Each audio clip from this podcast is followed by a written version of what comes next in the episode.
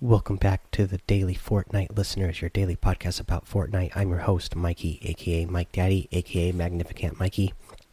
And today I bring you the patch notes for version 4.1, uh, which includes limited time mashup Infinity Gauntlet.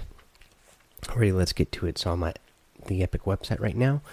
Um, they in the patch notes they say greetings wield true power in version 4.1 starting tuesday may 8th you will be able to become thanos in the infinity gauntlet limited time mashup. Experience fortnite x Avengers like never before in this limited time event. A limited time mashup infinity gauntlet. Wield the gauntlet become thanos claim victory.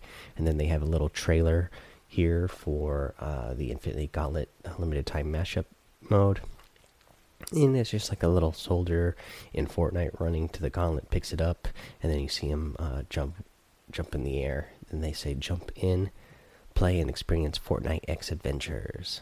and then we'll talk about battle royale here. Again, we're going to skip the um, save the world stuff. Uh, so let's go to battle royale notes. Limited time mashup, Infinity Gauntlet, take down Thanos, e equip the gauntlet, and claim victory. Matchup details Early in the match, a meteor will land in the storm safe zone, delivering the Infinity Gauntlet. Any player who uses the Infinity Gauntlet will transform into Thanos. So you actually will transform into Thanos. And I show this in the little trailer. Uh, so that will be cool that you actually get to look like Thanos in the game. Stats are recorded for this LTM and can be found in the solo tab. If Thanos is eliminated, the gauntlet will fall to the ground free for the taking. If it sits unused for too long, it will disappear until another meteor appears. Okay, so you know you can pick up the gauntlet with, and you can still be killed here. Uh, but if somebody else picks up the gauntlet and um, becomes Thanos, you can kill them as well still, and then the gauntlet will land on the ground, and you will be able to um, you know you'll be able to go uh, pick up the gauntlet for yourself. If it does sit on the ground too long guys it's going to disappear and then you got to wait. Another meteor will come out of the sky and hit the ground uh, somewhere randomly again. Uh, so if you kill that guy with thanos you're really going to have to um, decide is it best for you in the situation? Can you go pick that gauntlet up right away or is there a lot of people uh, trying to go pick up that gauntlet and you want to take a take out as many as you can before you pick up the gauntlet or you know take them out before they get it for sure okay let's see here uh, the last player standing will be the victor uh, and then we get some details for Thanos. Thanos details. Ability 1 is a mighty punch that knocks enemies back and destroys structures. Ability 2 Thanos flies towards the ground, hitting an area for knockback and damage. Ability 3 Harness the energy of the Power Stone to fire a blast that deals damage over time. Ability 4 A super jump that can vault Thanos over all but the largest obstructions. So we get some really great, powerful moves here. Again, a mighty punch. Um, you get uh, a jump where he comes, he jumps up and then come down and hits the ground. Um, and can do knockback damage to players. Uh, you get the Power Stone uh, that does, you know, fires like a beam, like a big fire blast, uh, doing damage over time, and then the, the, Super Jump that can, you know, you can jump really high, jump over tall buildings and stuff. You know, go from one side of a tall building to the other, uh, no problem. Um, now, with this, um, you know, I guess they thought it would be too powerful if you had that Infinity Gauntlet Stone and there was just some sort of ability to, um, you know, snap half of everybody out of the game, which probably wouldn't be fun for all the rest of the players who didn't pick uh, pick up the Infinity Gauntlet. But they still make Thanos super powerful here. Uh, let's see here. They also say Thanos has both shields and health. When he eliminates another player, his shields regenerate. His health never regenerates. Uh, Thanos doesn't take fall damage. Thanos does not build, use weapons, or things like launch pads. He has no need for such petty human devices. And then the Storm Plus map. Uh, maximum match length is roughly 15 minutes, uh, so you get in and uh, out of games pretty quickly, even if you go the, you know, you last the whole game.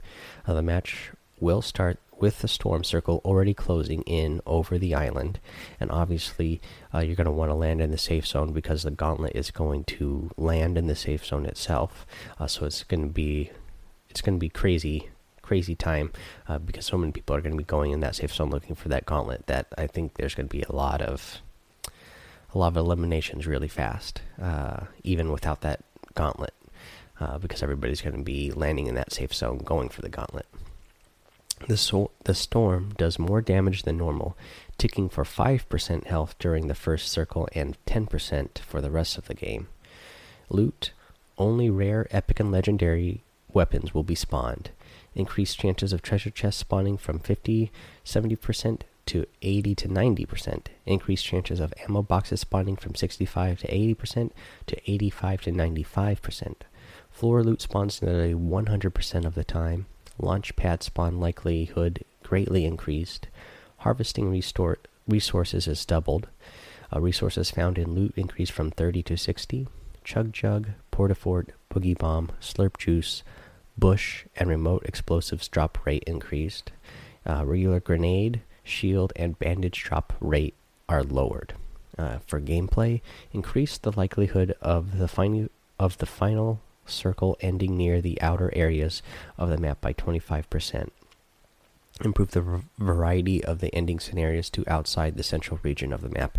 Uh, for me, that's a great thing. Now, this is just the general gameplay uh, uh, for Fortnite overall, and for me, that's a great thing. Uh, I'd like to see, you know, those outer edge map areas uh, be utilized more often in um, in the end game. Uh, you know, it, it ends up almost always being somewhere in the middle of the map.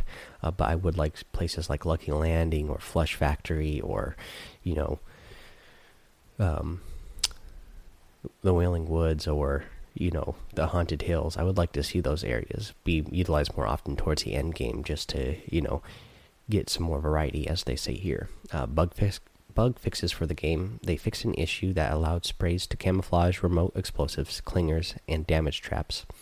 Uh, they fixed a building preview not being able, no, not being rotatable when overlapping an existing building while using a controller. They fixed soccer. They fixed soccer game effects not playing when scoring a goal. Uh, fixed a couple of issues that caused the player camera to position itself under the water in Loot Lake. Fixed the collision on the tire stack so players will bounce when walking into them again. Fixed a hole in Dusty Divot that players could get stuck in. Fixed an area where players were able to hide under the terrain and damage players from below. Fixed an issue that caused turbo building to not work properly if the player was holding down the build button before switching to build mode. Fix the chest at the prison that would be empty upon opening it. Oh, yeah, that sounds kind of bad. I never ran into that problem, but that wouldn't be fun. Um, and then your user interface. You can now join the party of players that are already in a match. Party members in match will appear holographic in the lobby and will give you time and player count updates. Season 4 topics added to the in game battle pass, frequently asked questions. Uh, some more bug fixes here to the user interface. Remove the loading screen that was displayed when transitioning from the starting island to the battle bus. Fix the minimap briefly showing the wrong